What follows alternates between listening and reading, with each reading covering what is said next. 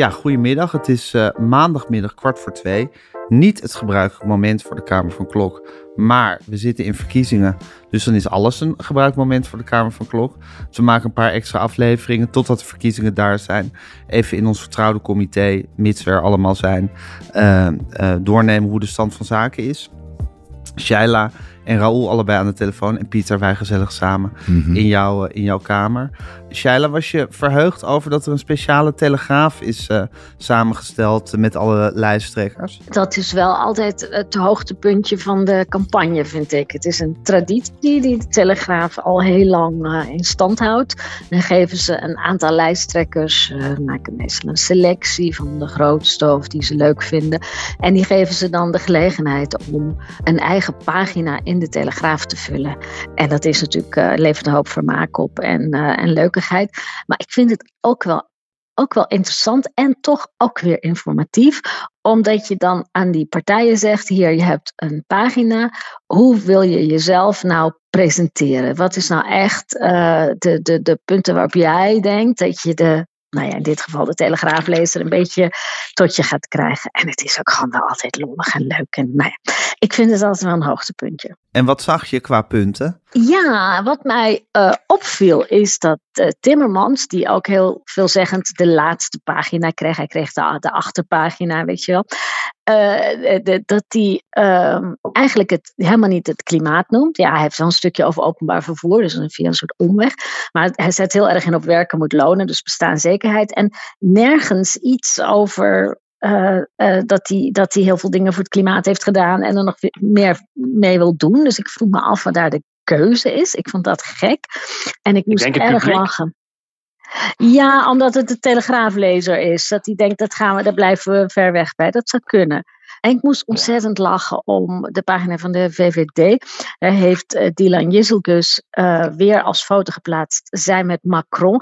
Dylan Jezelgus heeft één buitenlands uitstapje gemaakt. Dat is, is een keer bij Macron op visite geweest.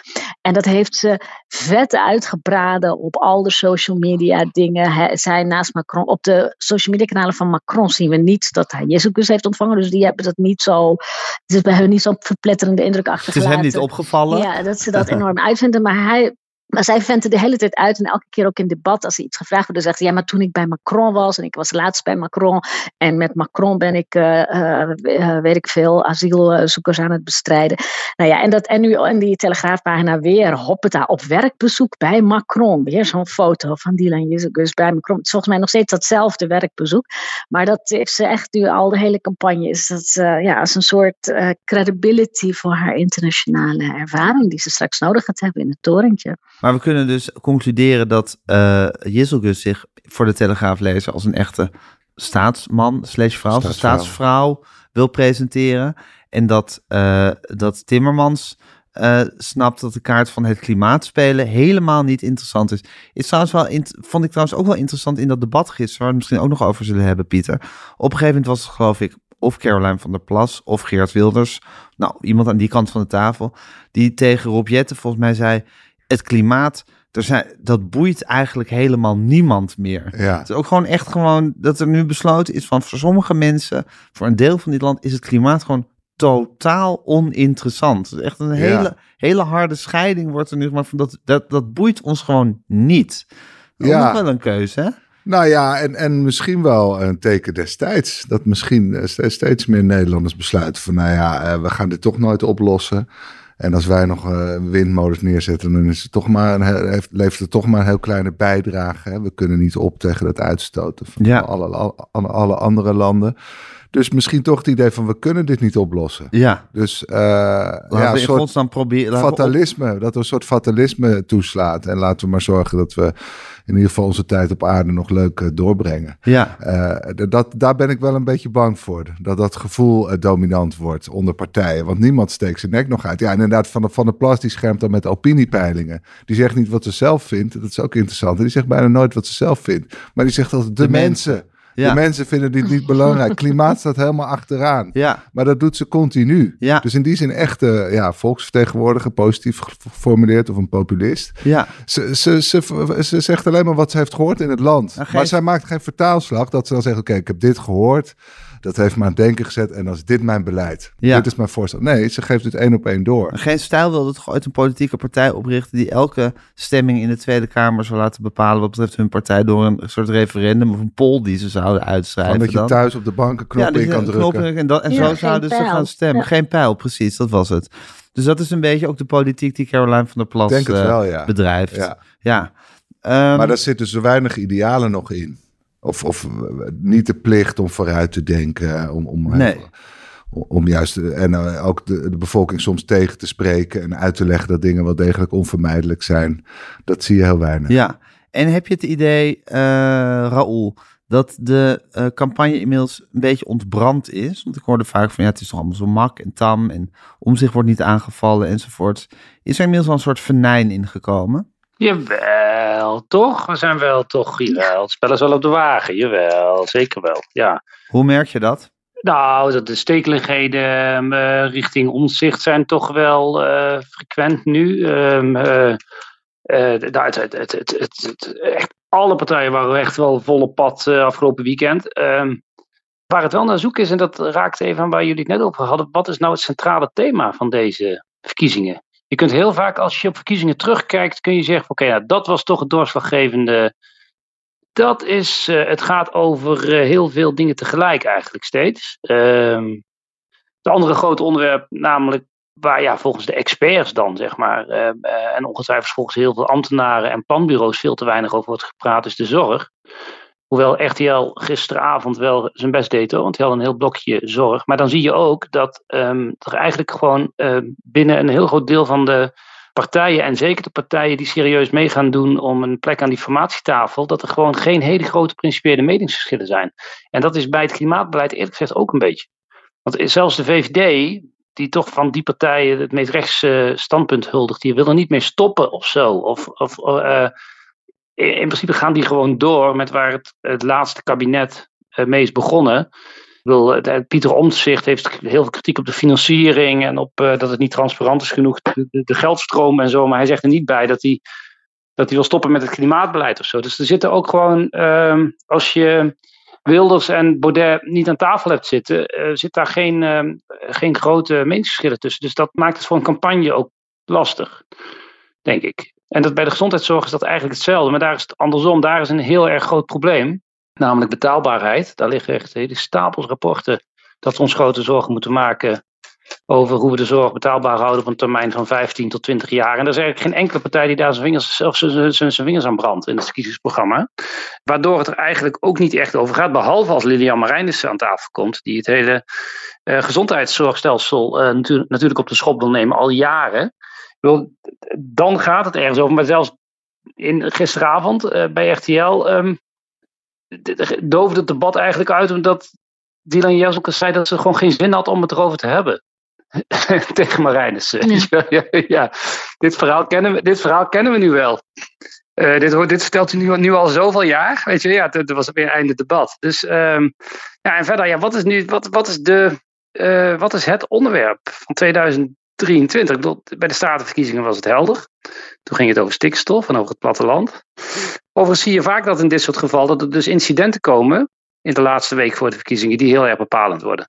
Ja, we weten allemaal nog uh, uh, de ruzie die uh, Mark Rutte toen ontzettend goed uitkwam met Turkije in het weekend voor de verkiezingen.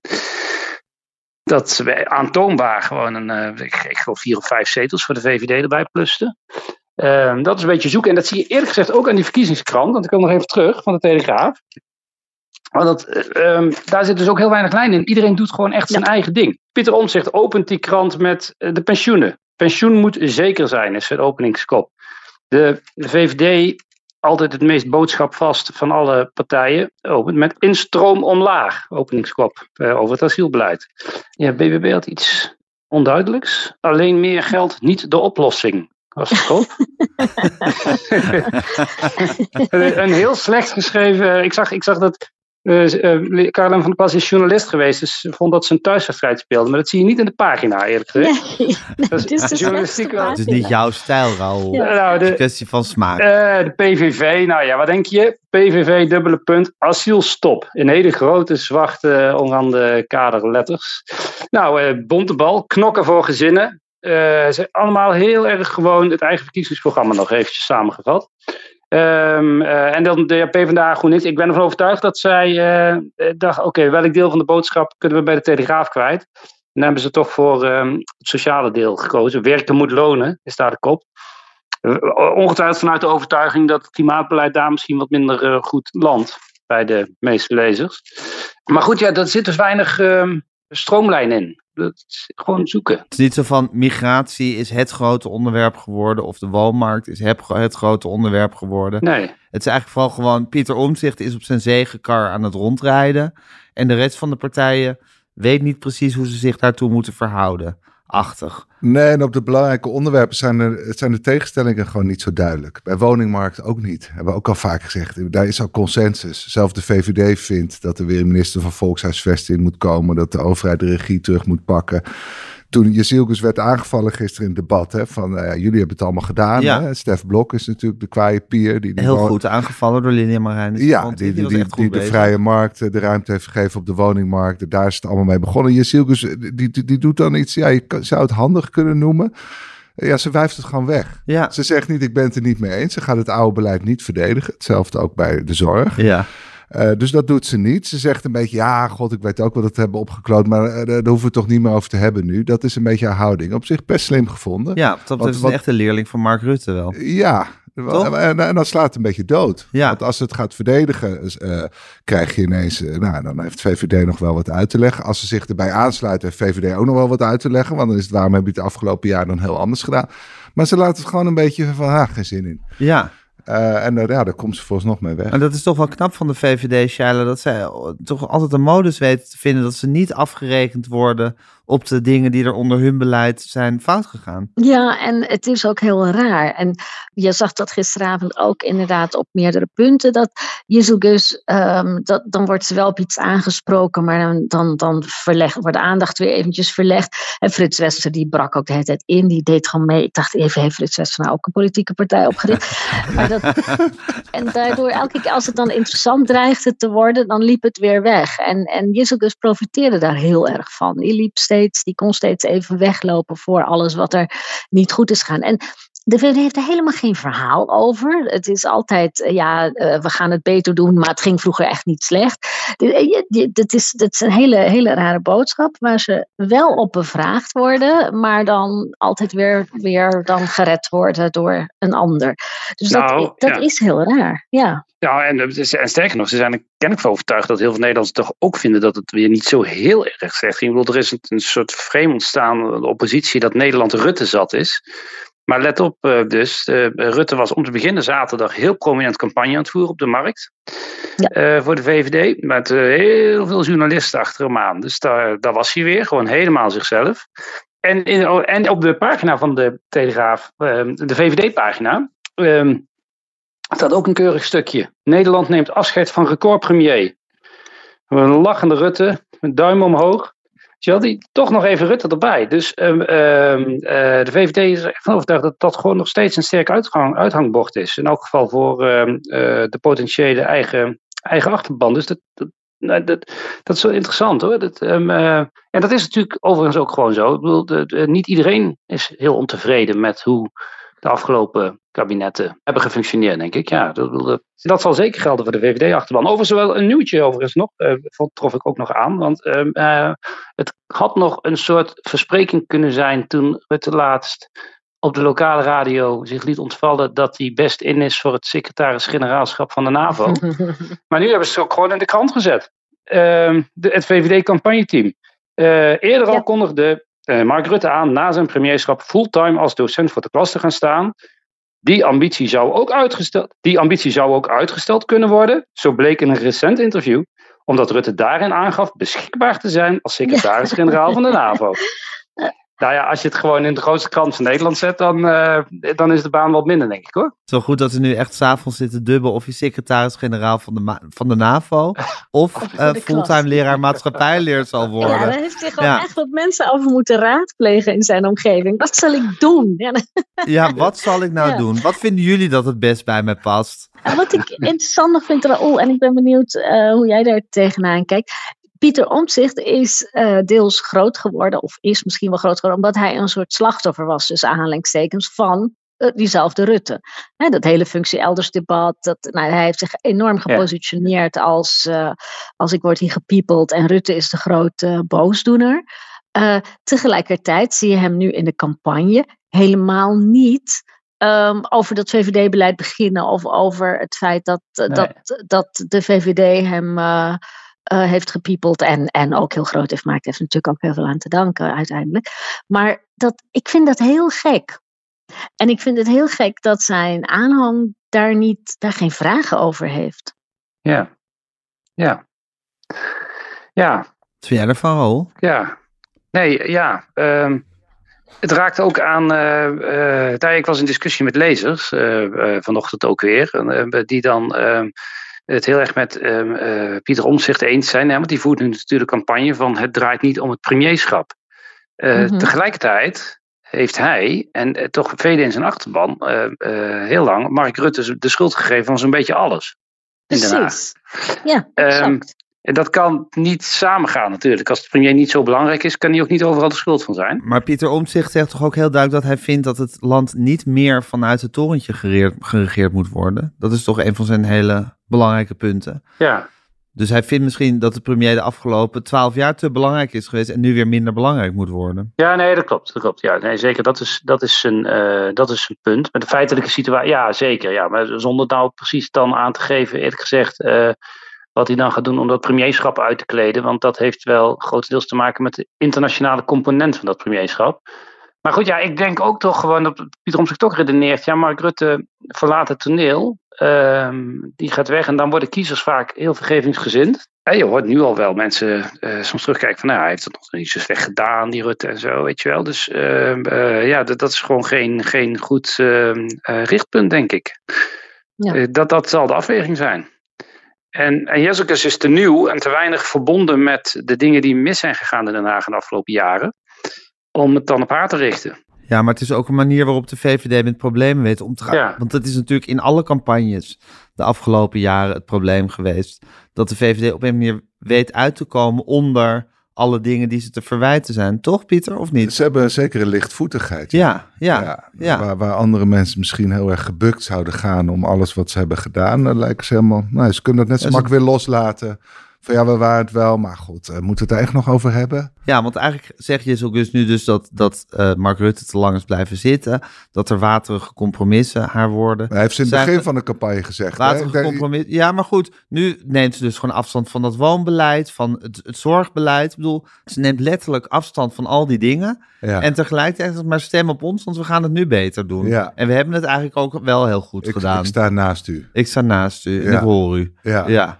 Ja. Het is toch wonderlijk? Ja, het is wel, het is heel wonderlijk. Het is iets waar Frans Timmermans stinkend jaloers op moet zijn. Deze lichtvoetigheid. Dat dat ook zo kan. Dat dat ja. ook zo kan. Ja, die dat je niet te veel inhoud hoeft te hebben. Die begint zich langzamerhand weer in het, in het mul, mulle zand van, van, van de linkse kerk vast te draaien. Een hele bak inhoud. Hè? Al het beleid waar heel lang over is nagedacht. En die wordt geconfronteerd met tegenstanders die dat allemaal veel minder belangrijk vinden. Ja. Die een soort stijl proberen neer te zetten. Ja, dat is best ingewikkeld voor hem. Shaila, hoe bezie jij de campagne van, uh, van Frans Timmermans?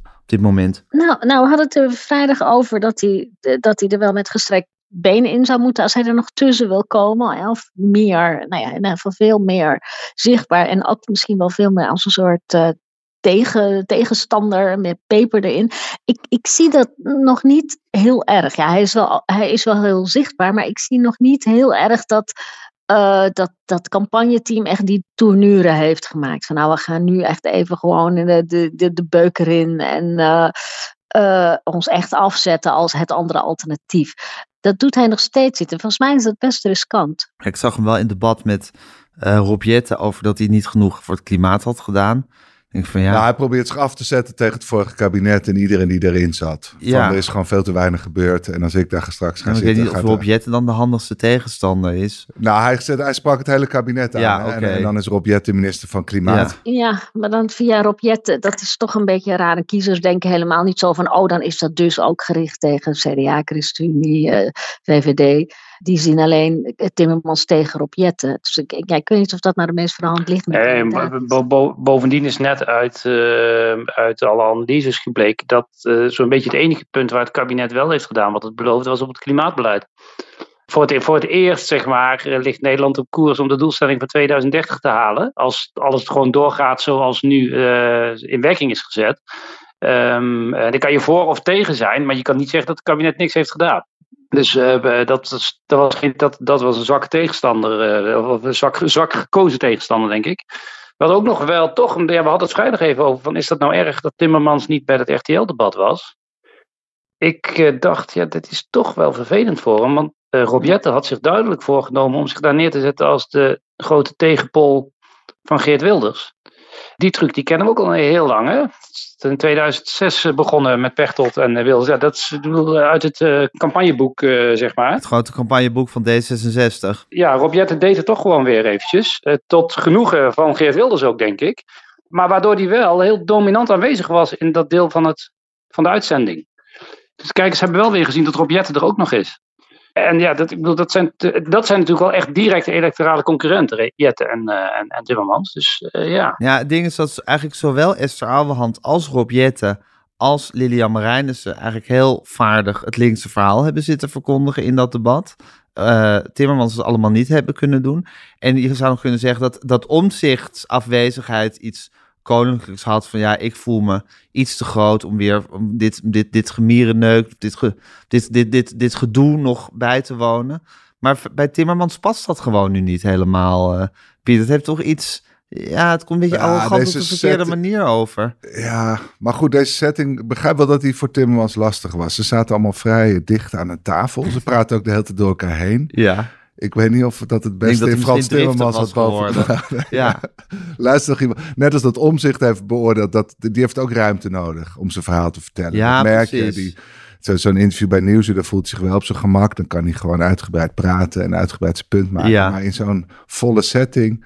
Ja, dat snap dan ik ook. uit de verf. Hetzelfde het geldt een beetje voor Timmermans. dat nou ja, zoals Raoul volgens mij al vorige keer heeft gezegd. Het grote gevaar voor Timmermans is als hij in de peilingen eh, nog iets wegzakt. Dat mensen dan weer denken, nou ja, dan ga ik liever toch op Volt... Ja. eh, D66, Precies. Partij voor de Dieren. Dan ga Ja. ik toch weer met mijn hart stemmen. Ja, in plaats En in van die zin. Hij gaf al die partijen op Volt na gisteren wel de ruimte om zich weer te profileren. Dus dat, Ja. dat was een risico. Dus eh, achteraf misschien niet zo verstandig. Ja, ik vond het ook goed dat Renze Klamer, als er even een discussie uitbrak tussen twee mensen, waar hij toch een debat vervoert, Ja. zei hij van, ja, dit is nou wat de mensen zo zat zijn in het land. Nu moeten jullie oplossen, nu moeten jullie met elkaar een oplossing gaan verzinnen. Ik denk, ja, hallo, je zit er toch om het met elkaar oneens te zijn bij zijn debat. Ja, vond ik zo'n aparte manier van het debat Ja. voeren. Ja, maar hij greep ook niet in. Nee. Toen- Ze, ze praten allemaal door elkaar en dan greep je niet in. Ja, en soms je ja, ineens dit van, is- dit is wat de mensen nou echt zo zat zijn, dat geruzie de hele tijd. Nu moeten jullie het met elkaar eens zijn.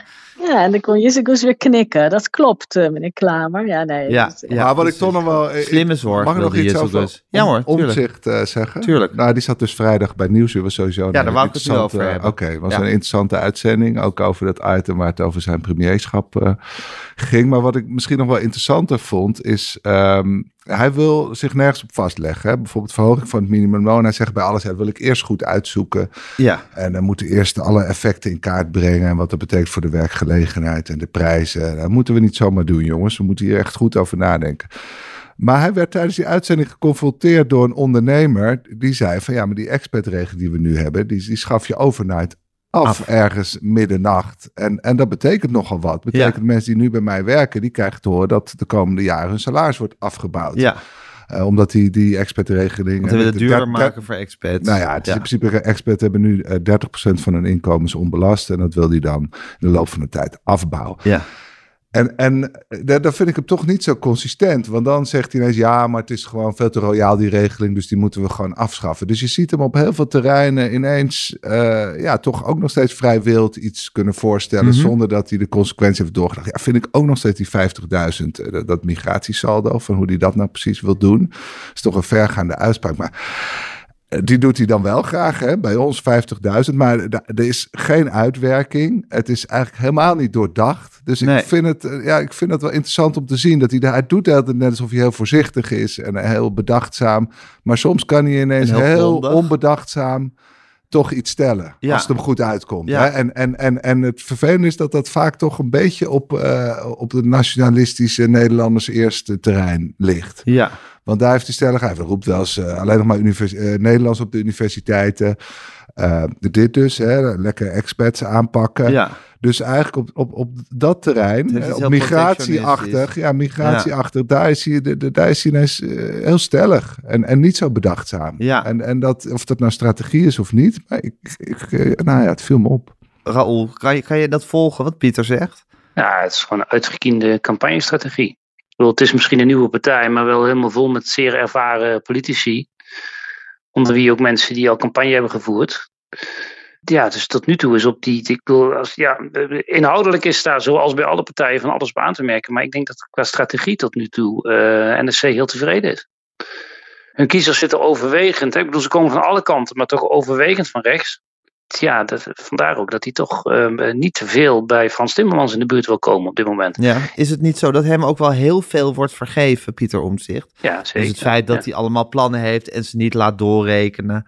eh, dat hij niet met een premierskandidaat komt en weigert daar echt eh, klare wijn over te schenken.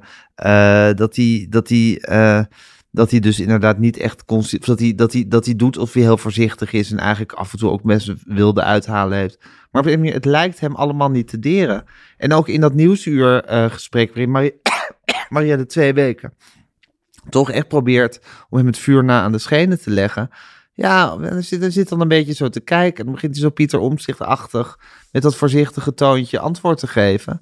En het, en het, en het, en het verdampt weer of zo. eh. nou, hij heeft natuurlijk wel enorme dossierkennis. Als je zo lang in de Kamer zit, eh, heel veel dossiers doorgrondt hij. Hè? Dat, dat was ook wel te merken toen zij begon over eh, het katshuis. Dat hij zegt, ik wil niet meer dat het besluit in het katshuis Ja. wordt genomen. En toen memoreerde hij dat besluit om alle toeslagenouders 30.000 euro te geven. En dat het eigenlijk zo tussen een paar ministers werd Ja. besloten. Het werd meteen ingevoerd.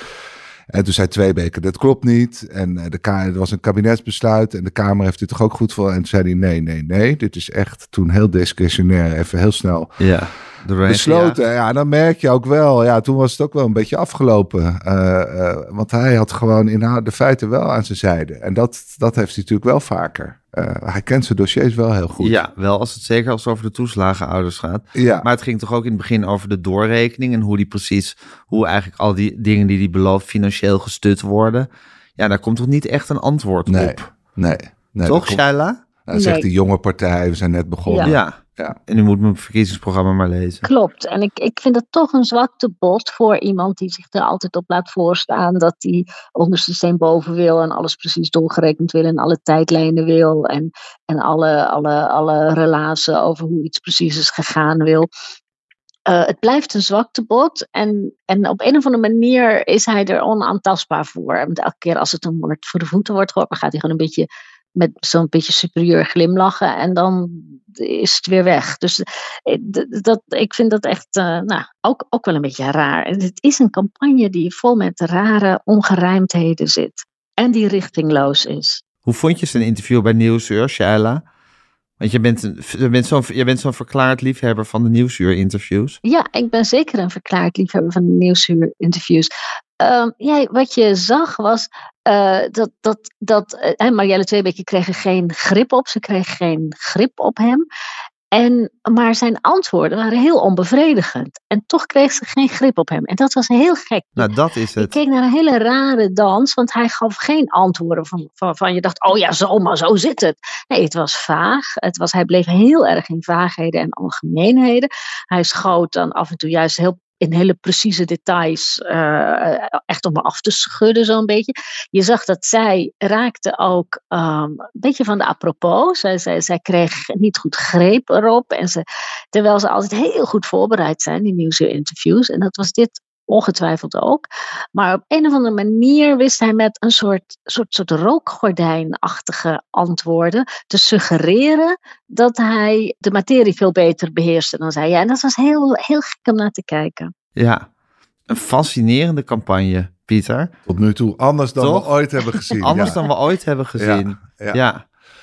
Nou ja, ik vroeg me nog af, is het eerder voorgekomen dat een partij die de grootste dreigt te worden niet bekend maakte uh, welke premierskandidaat ze dan in hun mouw hebben? En volgens mij is dat nooit voorgekomen. Ik ben me nog gaan verdiepen in Frits Bolkestein. Hè? Die wilde als leider van de VVD, zei hij ook altijd, ik wil dat vanuit de Kamer doen. Een beetje wat om zich nu ook Toen die paarse kabinetten in Ja, en toen het tweede paarse kabinet, toen dreigde toch ook misschien wel de VVD de grootste, te, worden. grootste te worden. En, en toen werd hij heel erg onder druk gezet door Wim Kok toen nog. En andere concurrenten. Hij moest zich uitspreken. Toen heeft hij dat ook uiteindelijk gedaan. Zei hij, oké, als ik de grootste word, word ik de premier. Ja. Uh, dus het is niet heel vaak voorgekomen, deze, deze variant. Ja, Dries van Acht, Dries van Acht heeft de kiezers bedrogen. Die heeft het niet gezegd, maar die liep weg na de verkiezingen. Hè? Dus uh, eerst de verkiezingen winnen en dan weg, uh, weggaan. Maar goed, dat is, daar zou die nou denk ik ook niet meer mee wegkomen in deze tijd. Ja, nee, dat is toch, toch een merkwaardige figuur. Het kan, en als je gewoon naar, naar, naar, de, naar de letter van ons staatsbestel gaat kijken, dan, dan, dan, dan is het eigenlijk allemaal volstrekt logisch. Pieter Omtzigt heeft volkomen gelijk dat we parlementsverkiezingen hebben. En dat daar nu om moet gaan. En dat het een ideeënstrijd moet zijn. En dat is allemaal waar. En tegelijkertijd is onze uh, minister-president, zeker in de afgelopen 50 jaar, echt uitgegroeid tot meer dan alleen maar de voorzitter van de ministerraad. En dat is niet alleen maar uh, onder uh, Mark Rutte gebeurd, dat is al onder Lubbers begonnen. In Lubbers heb je, eh, onder Lubbers heb je al een enorme competentiestrijd gekregen tussen algemene zaken en buitenlandse zaken, omdat uh, Lubbers het hele Europese beleid naar zich toe trok. Ten koste van Hans van den Broek, zijn partijgenoten buitenlandse zaken. Dat, dat, dat leidde toen al tot enorme fricties. En Algemene Zaken heeft in de afgelopen 30 jaar dat gevecht glorieus gewonnen. Buitenlandse Zaken is totaal uitgekleed. Onze ministers van Buitenlandse Zaken hebben ook lang niet meer de status die ze hadden in de jaren 50, 60, 70, 80. Uh, Luns, uh, uh, Van der Stoel, ehm, Van der Broek, eh, die categorie. Ehm, het is nu een restpost bij formaties vaak. Oh ja, uh, Bobke, jij vindt buitenland toch leuk? Wie heeft er vliegangst? Wie heeft er geen vliegangst? Ja, En, dat, en dat komt echt, en dat, en dat komt doordat de Europe, vooral hoe de Europese Unie zich heeft ontwikkeld. Ook daar kun je van alles van vinden, daar kun je tegen zijn. Want er worden daar, um, onze minister-president heeft heel veel speelruimte in Brussel. Hij kan daar namens Nederland met van alles instemmen. En formeel heeft de Tweede Kamer um, uh, dan het recht natuurlijk om hem terug te fluiten. In de praktijk is het allemaal zo geregeld dat dat heel ingewikkeld is. En dat je, omdat je dan meteen voor het blok staat binnen de Europese Unie en dan ben je opeens degene die tegenhangt. Je betoogt dat, dat de premier meer is dan de voorzitter van de ministerraad is natuurlijk helemaal helder en sluitend. En dat het de afgelopen decennia zo gegroeid is. Maar Pieter Omtzigt kan toch zeggen, dit is precies waar ik dus een knik in wil maken dit is dus precies wat ik niet wil ondersteunen, dit systeem, maar waar ik het juist anders wil gaan doen. Ja, ja, ja. maar zelfs, zelfs als je dat volhoudt, zou het nog wel van belang kunnen zijn wie daar dan gaat zitten op die post. Want die zal daar toch aan mee moeten werken. Dus uh, ja, je kunt, ja, het kan, ik bedoel, er is niets, niets onreglementairs aan of om niet te zeggen wie premier wordt. Maar het is in de huidige Nederlandse politieke verhoudingen toch wel merkwaardig. Um, en ik vermoed eigenlijk, want uh, ja, uh, dat dit laatste week die we nu bijna ingaan, toch nog wel een groot thema gaat worden.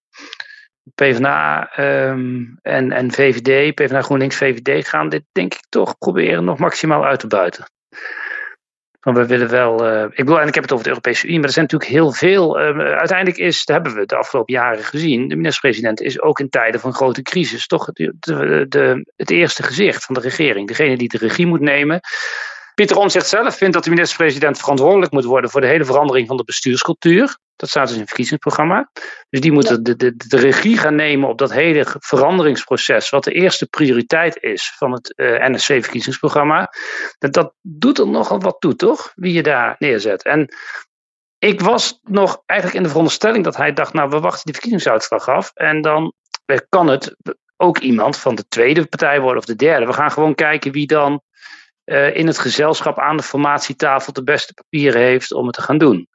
Um, maar hij heeft inmiddels nu in de afgelopen dagen gezegd dat, hij, dat het niet de bedoeling is dat iemand van een andere partij het gaat doen. Dus hij wil wel zelf een NSC'er aanwijzen. Of iemand namens de NSC die het dan gaat doen. Uh, maar ja, dan krijgen we dus, dus, ja, dan krijgen we daar dus toch iemand te zitten als hij het zelf niet doet. Waarvan de kiezers nou geen, geen flauw idee hadden dat ze, dat ze daarmee moesten gaan doen komende vier jaar. En hij is net te laat geweest om Mona Keizer te kapen. Ja, en, Ja, ik weet niet of dat hem geholpen had. en trouwens, want ik, ik had ook Ja. een, een lezer die zei me van, eh, ja, maar jullie moeten een beetje vertrouwen hebben in Pieter Omtzigt. Hij is een heel serieuze politicus. Hij, hij zoekt heus wel iemand uit die dat kan. Inderdaad, misschien, dat is wel zo. Er komt trouwens nog iets bij. Nee, maar dit is dus, dit is dus de, gouden, de gouden positie waarin Pieter Omtzigt zit. Er zitten, Het alle, komt goed, want Pieter Omtzigt doet er het. zitten allemaal paradoxen in. Misschien onbewust. Kijk, hij, hij zegt eigenlijk personen moeten er niet toe doen. We moeten gewoon eh, de bestuurscultuur zo goed Ja. inrichten dat er gewoon goed bestuur uitkomt. Ja. Personen moeten niet zo doen. De persoon van de premier is ook niet zo belangrijk. En tegelijkertijd is zijn persoonlijkheid de allerbelangrijkste reden dat hij zo groot is. Dus, dus dat, daar zit iets heel geks in. Dus de mensen kiezen op hem vanwege een bepaalde persoonlijkheid, een soort degelijkheid, ambachtelijkheid. En hij straalt tegelijkertijd uit dat hij daar helemaal niet in geïnteresseerd is. Dat Nou, dat dan- is misschien wat mensen interessant vinden aan zijn persoonlijkheid. ja, een paradox, en daar kun je Ja. heel ver mee komen. Want dan, dan kun je twee dingen tegelijk uitstralen. Dat is ideaal. Maar Raoul, jij had nog één punt. Weet je, je ademde in nog om iets te gaan zeggen? Of ben je het weer vergeten? Dat ben ik weer vergeten. Oké, ja. Het is ook alweer bijna carnaval.